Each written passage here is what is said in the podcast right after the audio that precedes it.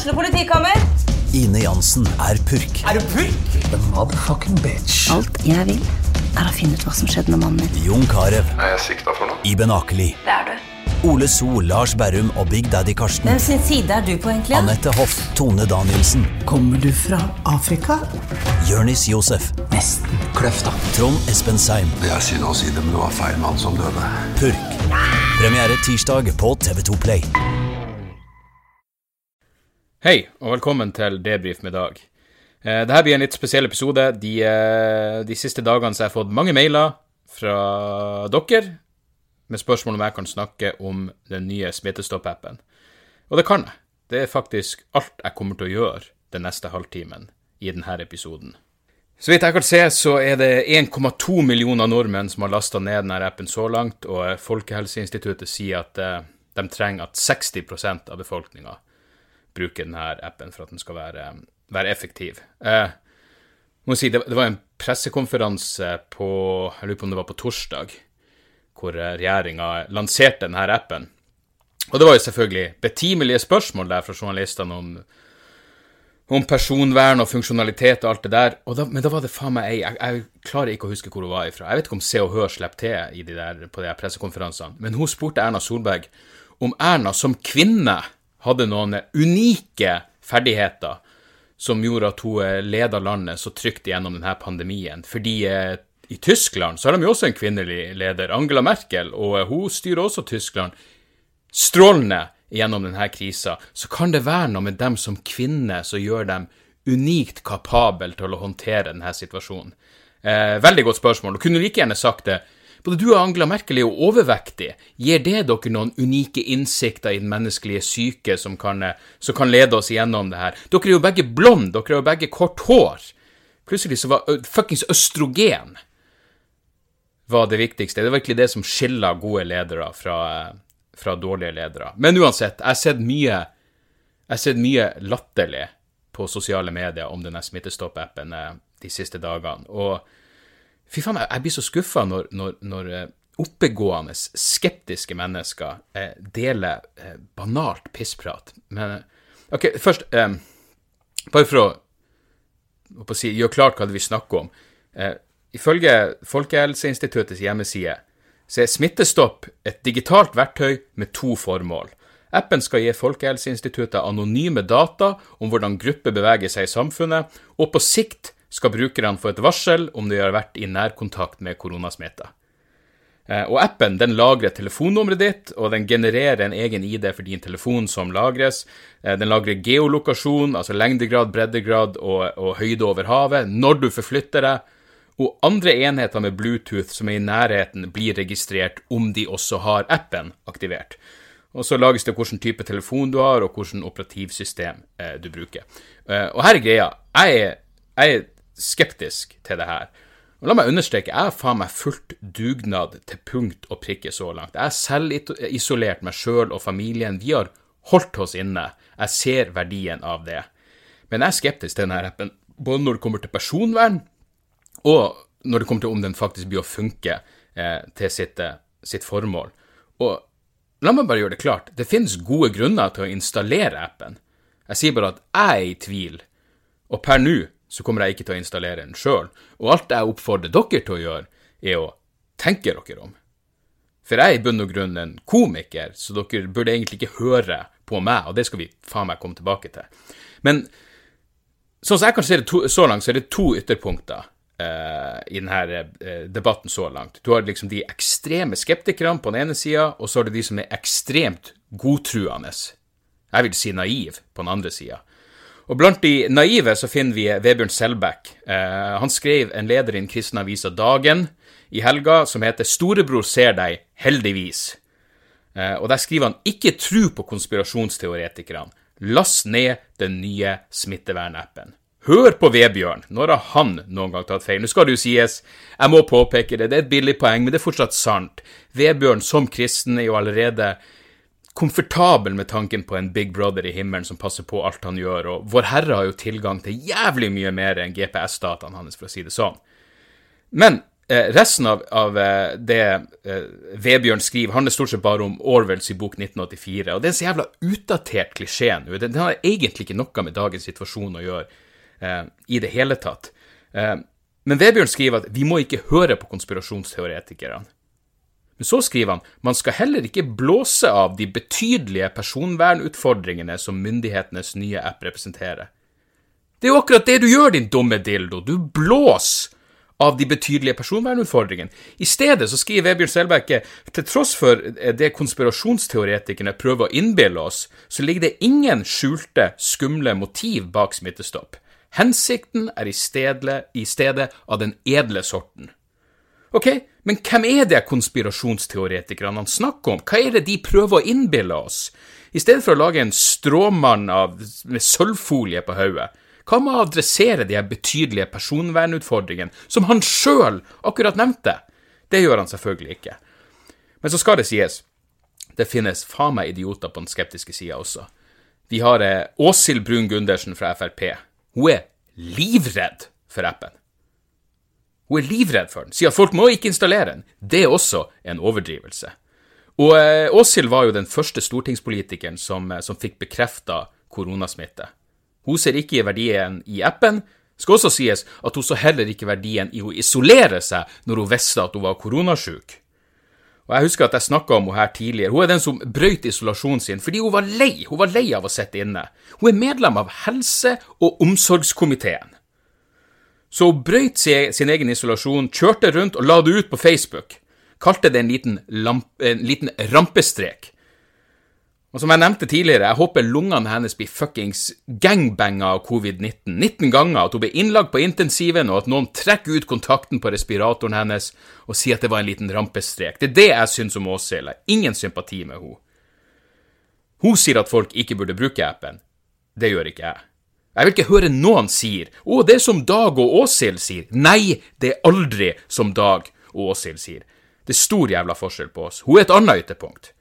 Og så er det selvfølgelig et kort sprang fra Åshild til komikere. Her må jeg si jeg fikk ei betimelig melding fra ei venninne som bare Hun hadde sett noe som eh, Ja, det enkelte komikere hadde lagt ut på sosiale medier om Smittestopp-appen. Og det venninna mi skrev til meg, gjør de seg dum? Tror de at de må være dum for å være morsom? For det de skrev Altså, la oss ikke nevne navn, for jeg blir jo sikkert forhåpentligvis å måtte treffe de her folkene igjen. Men, eh, men der er et eksempel på Facebook. Utrolig hvor redde folk er for å bli overvåka plutselig. Hva gjør folk egentlig? Lure-emoji, og så får du selvfølgelig en skratte-emoji ut av det, og da er det vel faen meg verdt det. Hvorfor er folk redd for å bli overvåka? Vet du, gjør hun seg dummere enn hun er? Jeg håper det. La oss for guds skyld håpe at det her ikke er tankene som snurrer rundt i skallen hennes på en daglig basis. For guds skyld! La oss håpe at hun gjør seg dummere enn hun er. Og jeg håper det i minst at det var verdt en smile-emoji, at du fremstår som et totalt jævla naut. Et annet eksempel, og den her også det, jeg, jeg, vet, jeg, burde ikke fyre meg opp over det her, men, men, når folk skriver sånne her ting, og særlig når det er komikere, så føler jeg at de, de angriper meg på en måte. Jeg tar, jeg tar jo faen alt personlig. Jeg tar jo uadressert reklame personlig, så jeg vet at det er jeg som har et problem her også. Men hør på den her, også ei Facebook-oppdatering fra en komiker. Det er absolutt ingen ingen som er interessert i dine data, eller har noen som helst nytte av dem. Så spennende er ikke ditt liv heller, så slutt å være en paranoid idiot og begynn å være et ansvarlig menneske. Last ned Smittestopp og ta ansvar for deg selv og oss andre.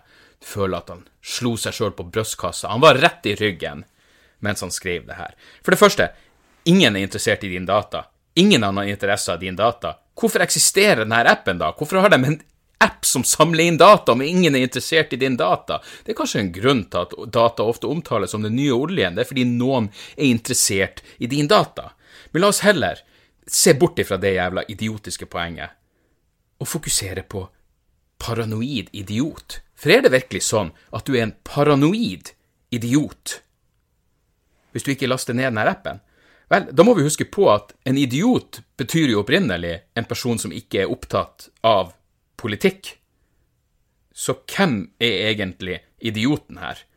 Jeg mener, det som står der, er jo beviselig svada. Eh, og det irriterer meg. Det irriterer meg noe jævlig. Det, det, skuffer meg ikke, men det irriterer meg. Det skuffer meg ikke fordi skuffelse innebærer forventninger. Hvis jeg hadde blitt skuffa av det der, så er det min egen feil for at jeg hadde håpa på noe bedre. Men jeg ble derimot skuffa da Andreas Wahl fra Folkeopplysninga heiv seg på toget med banale og billige poeng på Facebook. Han la nemlig ut et bilde hvor han holder seg sjøl for panna, og så står det teksten 'Tenk på personvernet, ikke last ned smitteappen'. Skrevet på Facebook! Ohohoho, den var gøy! Og Andreas tok dermed prisen som person nummer 1476 som delte dette poenget som om det var en veldig original tanke. Han sier ikke at du er en idiot om du laster ned Smittestopp-appen, så langt vil ikke han gå. Han insinuerer at du er en idiot om du bekymrer deg for personvernet i Smittestopp-appen, samtidig som du er på Facebook. Og det her tok jeg personlig igjen, fordi jeg er på Facebook, og jeg er bekymra for personvernet i denne appen, så facepalm rett i trynet mitt fra hele Norges folkeopplyser der.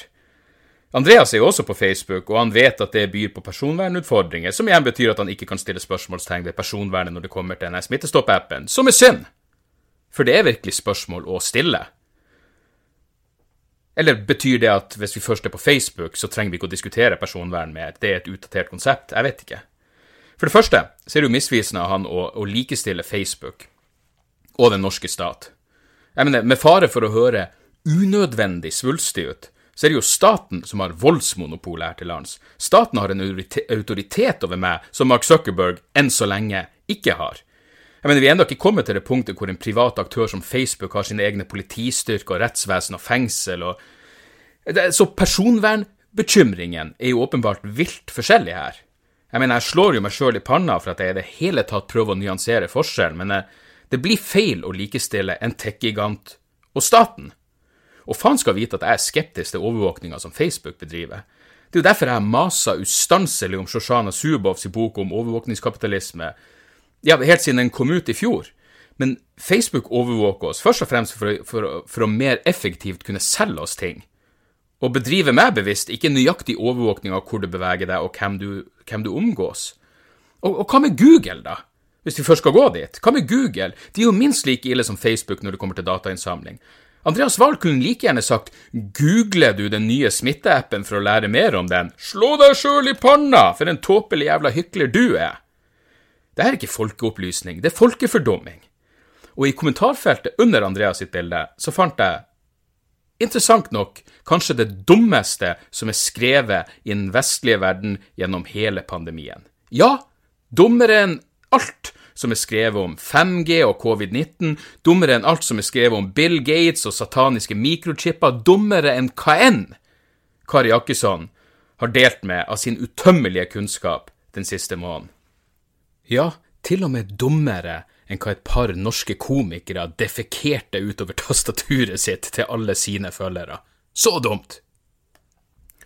Så eksepsjonelt jævla dumt at jeg må lese hele kommentaren i sin helhet. Kåre skriver nemlig Jeg har et spørsmål som jeg håper dere kan svare på. Hvorfor er dere så opptatt av å ikke bli overvåket? Gjør dere noe galt, eller skjer det så mye flaut, skråstrek skamfull eller lignende bak fasaden deres at dere er redde for at det blir misbrukt? Hva er greia? Jeg for min del kunne ikke brydd meg mindre om myndigheter eller politi eller naboen for den saks skyld visste hvor jeg er til enhver tid. 34 likes der! Klinka til med 34 likes, og vet du, jeg bare måtte. Jeg tenkte, er det her det mest fantastiske trollet i norsk historie? Så jeg måtte klikke inn på profilen hans. Så ting tyder på at han, han er alvorlig. Det siste Kåre la ut, var, var, en post som heter 'Hvilken bil passer din personlighet?' Hans svar var en Audi A8, og jeg vet ingenting om biler, men jeg tipper at Audi A8 ikke renner over med kognitive kapasiteter. Jeg vil nesten si meg sikker på at Audi 8 med overveldende sannsynlighet er dum som en dildo. Og ja, jeg vet at det finnes smartdildoer der ute. Kåre er ikke en av dem. Men igjen, ikke ta mitt ord for noe av det her. Jeg har tross alt googla definisjon på personvern, så hvor dum er ikke jeg? La oss heller høre med Jon Wesselås, for han er jo advokat. Og han er på Facebook og han er bekymra for personvernet i Smittestopp-appen. Dette er jo et kinderegg av selvmotsigelser. Jon Wessel-Aas har også møteplikt i Høyesterett, og selv om jeg ikke egentlig aner hva det innebærer i praksis, så høres det ganske fancy ut. Så, Så skal vi slå oss i panna, eller skal vi høre på hva han faktisk har å si? Jeg går for det sistnevnte fordi jeg, jeg foretrekker lesing foran, foran, fysisk aktivitet. Og Jon han skrev en, en kronikk i VG som heter App, app, app. Eh, hvor han eh, for det første påpeker at appen selvsagt er frivillig, fordi det ville vært et brudd på Grunnloven å gjennomføre den med tvang. Og han sier at eh, slik det er nå, vil mange med god grunn vegre seg. Med god grunn. Sentral lagring av data nevnes som et problem, det at kildekoden er hemmelig er problematisk, og han kaller, det, han kaller det her nok et eksempel på hvor uheldig det er når myndighetene bruker sine krisefullmakter på en måte som omgår normale demokratiske prosesser med åpne høringer og offentlig debatt. Men Erna er for en idiot, ikke sant? Men Erna Erna hun har jo sagt at dataen skal slettes etter 30 dager, så hva er det vi stresser med? Og ja da, dataen skal lagres på servere i Irland og slettes etter en måned, så sies det. Men det fordrer jo for det første at dataen er sikra. Og, og, og, hvem vet? Jeg mener, Erna har sagt at Politiets sikkerhetstjeneste har sagt til hun at denne appen er så trygg at hun som statsminister kan bruke den. Og det er jo bra. Samtidig så er ikke appen trygg nok for 2500 ansatte i Forsvaret, som ikke får lov til å laste ned appen av forebyggende sikkerhetshensyn. Så så trygg er den altså ikke. I tillegg så skriver jo VG at en datautvikler har funnet en sikkerhetsrisiko som gjør at appen kan brukes til å overvåke folk på helt andre måter enn det som er tiltenkt. I tillegg med, med hensyn til lagringa det Dette er fra uh, Helene Bank skriver i uh, Hun leder vel uh, Foreninga for velferdsstaten. Hun skriver i Klassekampen at appen Smittestopp er vedtatt uten folkevalgt behandling og uten noen offentlig høring. Forskriften ble vedtatt under regjeringens unntaksmandat i smittevernloven paragraf 7-12. Den skal foreløpig vare til 1.12, og data skal slettes etter 30 dager. Garantiene for avgrensa bruk og varighet er usikre, siden de fremgår av eh, forskriften selv. Det betyr at begrensningen kan endres av regjeringa alene med ny forskrift. Ok. Erna sier også at dataen skal brukes til smittesporing og forskning, og det er det hele. Den skal ikke brukes av politiet. Men, men igjen, selskapet som har lagd appen, vet at den foreløpig er så utrygg at de kan ikke gi ut kildekoden. Men igjen, dataen skal ikke brukes av f.eks. politiet eller PST, men i den forbindelse så nevner Jon Wessel Aas en interessant sak. I Norge så har vi nemlig noe som heter DNA-registeret, hvor DNA mistenkte, vitner eller fornærmede i straffesaker lagres av, eh, av Kypros Kyp, Kypro, fuckings Kripos, Kypros, Kypros. Ja, la, la oss outsource datalagringa her. Denne dataen skal lagres, DNA-en skal lagres av Kripos. Og som han skriver, så er det uttrykkelig bestemt at opplysninger i politiets DNA-register kun skal benyttes i strafferettspleien. Allikevel, til tross for det som er lovbestemt, så fikk ei kvinne rett til tilgang til opplysninger fra det her DNA-registeret for å få eh, fastslått identiteten til faren til barnet hennes. Så hun, kunne, hun fikk lov til å bruke det her DNA-registeret, på tross for at det i utgangspunktet var ulovlig, til noe helt annet enn det det var tiltenkt. Og nå sitter vel Kåre der og jubler og tenker det er bra at barn får vite hvem faren deres er, men det er altså ikke poenget, Kåre. Så ja, og med, med hensyn til Folkehelseinstituttet, at de skal slette data etter 30 dager, i, faktisk i tråden til, til eh, det her innlegget som eh, Andreas delte, så er det noen som linker til en artikkel i Aftenposten fra 2016 som handler om hvordan det i 2010 ble avslørt at eh, Rettsmedisinsk institutt ved Universitetet i Oslo satt på et ulovlig DNA-register, som inkluderte frikjente, fornærma og vitner. Uh, og Folkehelseinstituttet overtok ansvaret for de her prøvene. Og seks år senere så var denne dataen fortsatt ikke sletta. FHI kjempa mot at ulovlig data skulle slettes, med andre ord. Jeg, jeg, jeg prøvde bare sånn raskt å finne ut hva som skjedde videre med denne saken, men jeg prøver å google det. Igjen, jeg googler, så finner jeg bare gamle artikler. Så, så hvis du vet hva det her endte opp med, så, så, så må du rope ut. Um, og ja, mens, mens, vi er inne på at dataen lagres i Irland Direktøren i noe som heter Digital Rights Ireland, han er bekymra for at helserapporterende apper, apper eh, eh, Han er bekymra for at en helserapporterende app for epidemiologiske formål eh, kan bli påkrevd for enkelte jobber, eller for å bevege seg fritt rundt enkelte plasser. Han kaller det her frivillig, men ikke påkrevd-fella. Ikke sant? Det kan være sånn ja, du trenger ikke å ha den appen hvis du ikke vil. Men uh, hvis du ikke har den, så kan du ikke gjøre ditt og ditt og datt. Er det helt utenkelig at noe sånt kan skje i Norge? At appen er frivillig, men at du må ha den installert for å gjøre enkelte ting? Og vil du da ha et problem med det? Jeg, jeg tør ikke engang tenke tanken, for, for jeg er på Facebook. Og hør her, ikke hør på meg, jeg er en fuckings komiker. Akkurat nå, vi, vi trenger å få. Mitt primære håp akkurat nå er at fuckings frisører åpner opp igjen. For jeg ser ut som, jeg ser ut som blanding av Doc Brown i tilbake til fremtiden og, og en hakket mindre kynisk Krusty the Clown. Så, så, så, ikke hør på meg, men, men hør på personverneksperter. Det er heter Simen Sommerfelt. Han sa til Dagbladet at han er bekymra for denne appen. Og han sier videre han har, eh, han har flere i IT-bransjen med seg i sin bekymring. Det er ingen debatt, men utelukkende bekymring både i det tekniske miljøet og personvernmiljøet. Han sier 'Jeg har aldri før opplevd en så unison bekymring i begge fagmiljøene'. Ja. Men ikke hør på det! Si heller at folk er paranoide idioter hvis de stiller spørsmålstegn ved det her, ikke sant? Og Erna sier appen blir ikke brukt for å sjekke om folk overholder regler om isolasjon og karantene. Nei, det skulle tatt seg ut. Og ikke enda, kunne hun sagt. Den blir ikke enda brukt til det, men hvem vet hva som vil skje? Det, det, det, er det som er problemet med det her for meg. Det er et ledd i normalisering av statlig overvåking som ville vært helt fuckings utenkelig for få år siden. Og jeg tror litt av problemet med å snakke om det her er at mange folk ser på Når de ser Erna Solberg og Bengt Høie og Camilla Stoltenberg, så ser de Erna, Bengt og Camilla de ser mennesker. De, de, de ser ikke staten. De, de, ser ikke representanter for den mektigste institusjonen vi har. Og, og, det kan gjøre noe med i utglidning i den sunne skepsisen som alle burde ha mot, mot autoriteter. Ja, Erna er sikkert en hyggelig person. Det er ikke sikkert at hun er like hyggelig i sin institusjonelle rolle som statsminister. Ikke sant? Dette, dette minner meg litt om, om, debatten om overvåkning for, for terrorbekjempelse. Vi vil alle oppnå det samme. Vi har alle det samme målet. Vi vil ikke ha terrorangrep, og vi vil ha slutt på pandemien. Spørsmålet er hvilke friheter og prinsipp vi er villige til å ofre på denne sikkerhetens alter. ikke sant? Alt har en pris. Det er mange som har påpekt at, at vi, jo, vi setter pris på menneskeliv hele tida. Vi gjør det med fartsgrense, vi gjør det med flysikkerheter, vi setter på begrensninger på effektivitet i sikkerhetens navn. Men, men vi er også villige til å sette pris på menneskeliv, og vi er innforstått med at vi gir opp noe for å oppnå noe annet.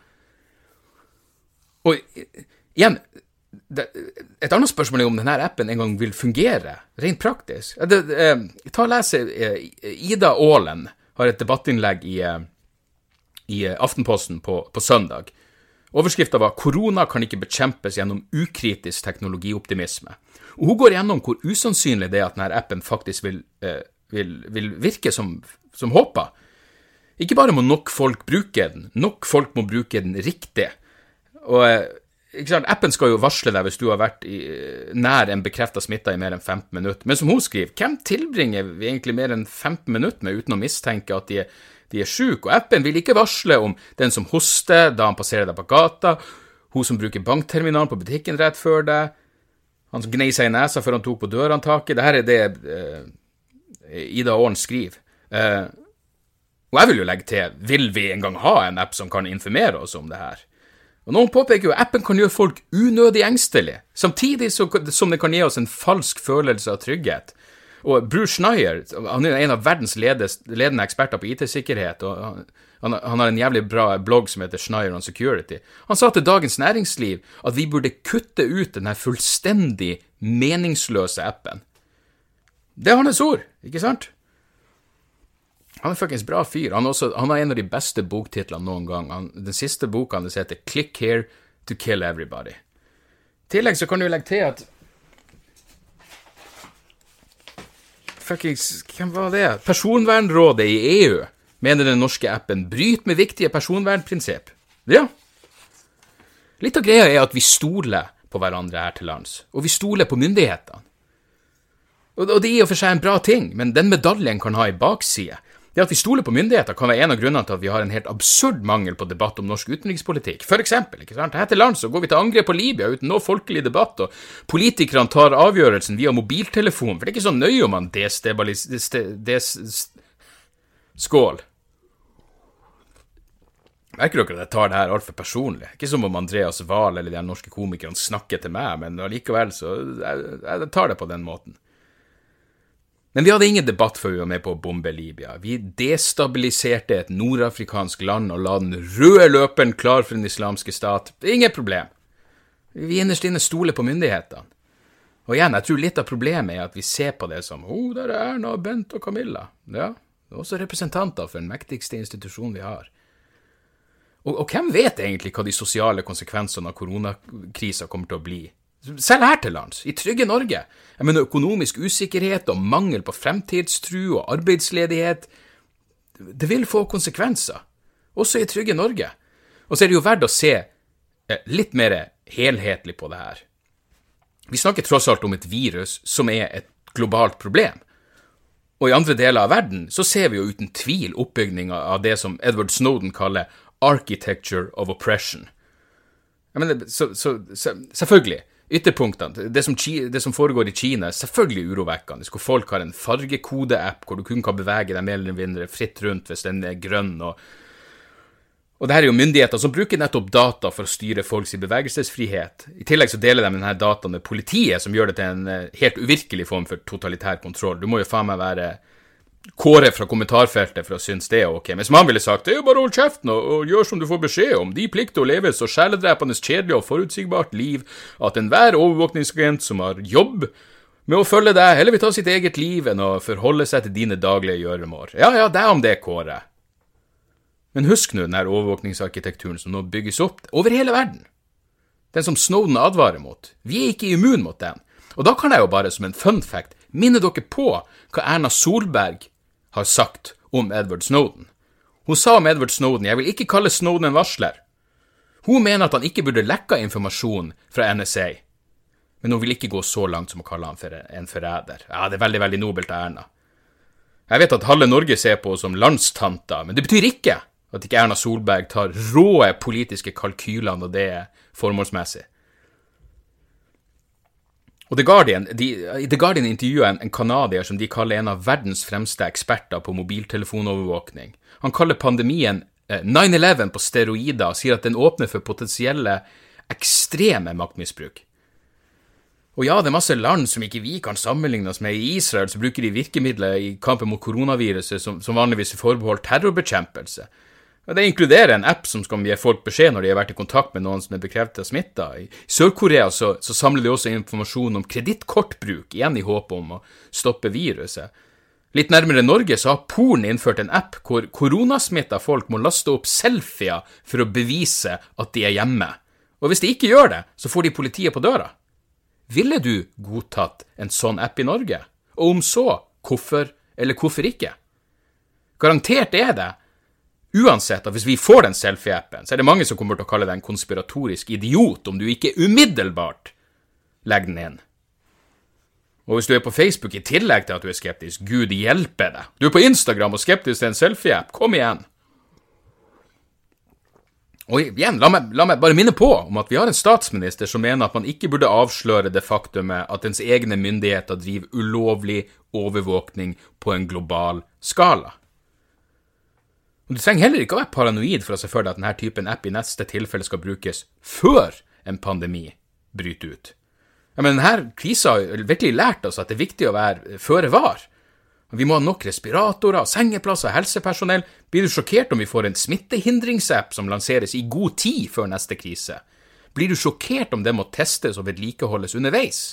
Og kanskje den bør det, absolutt, men jeg er bare redd for at vi skyver grenser for hva som er akseptable inngrep i vårt personvern.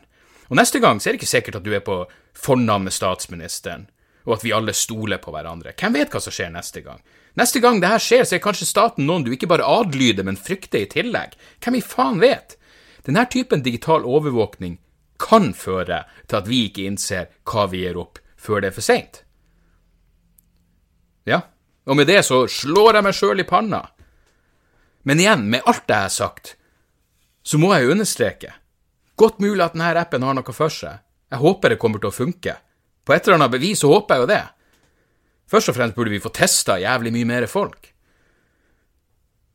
Men du, men du må jo være sinnssyk om du Uansett må du være sinnssyk om du lar en komiker avgjøre om du installerer en app eller ikke. Og det gjelder meg og alle de andre komikerne som har uttalt seg. Og jeg innrømmer gladelig at jeg er en, en intuitiv aversjon mot denne type app. En aversjon som jeg nå prøver å rettferdiggjøre. Samtidig så skal vi faen vite at jeg har alle insentiver, alle insentiver er på plass for at jeg skal bidra med å få denne pandemien ferdig fort som faen. Jeg vil ut på turné, jeg vil stå på scenen igjen, jeg vil drikke utepils med kompiser uten å bli paranoid om jeg tungekysser en eller flere av dem i fylla. Jeg, jeg, jeg har lyst til å slikke på offentlige toalettseter, jeg også, uten frykt for å havne i respirator etterpå.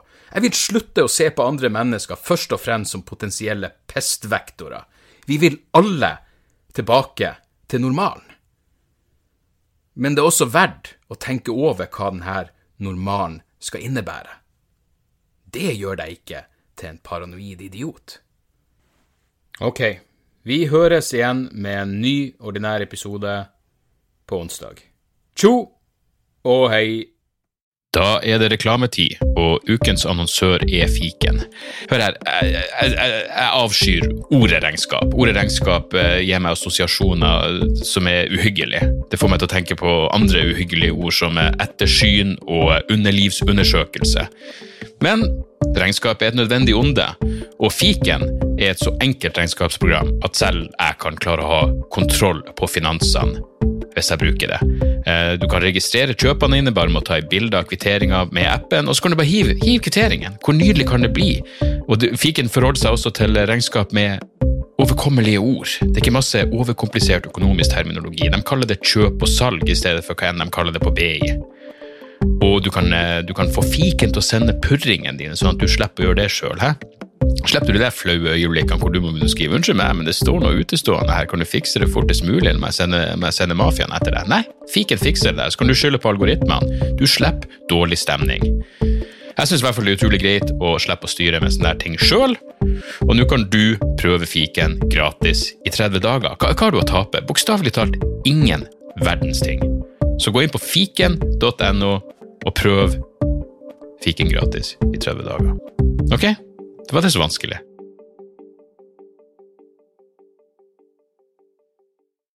Har du et enkeltpersonforetak eller en liten bedrift? Da er du sikkert lei av å høre meg snakke om hvor enkelt det er med kvitteringer og bilag i fiken, så vi eh, gir oss her, vi. Fordi vi liker enkelt. Fiken superenkelt regnskap.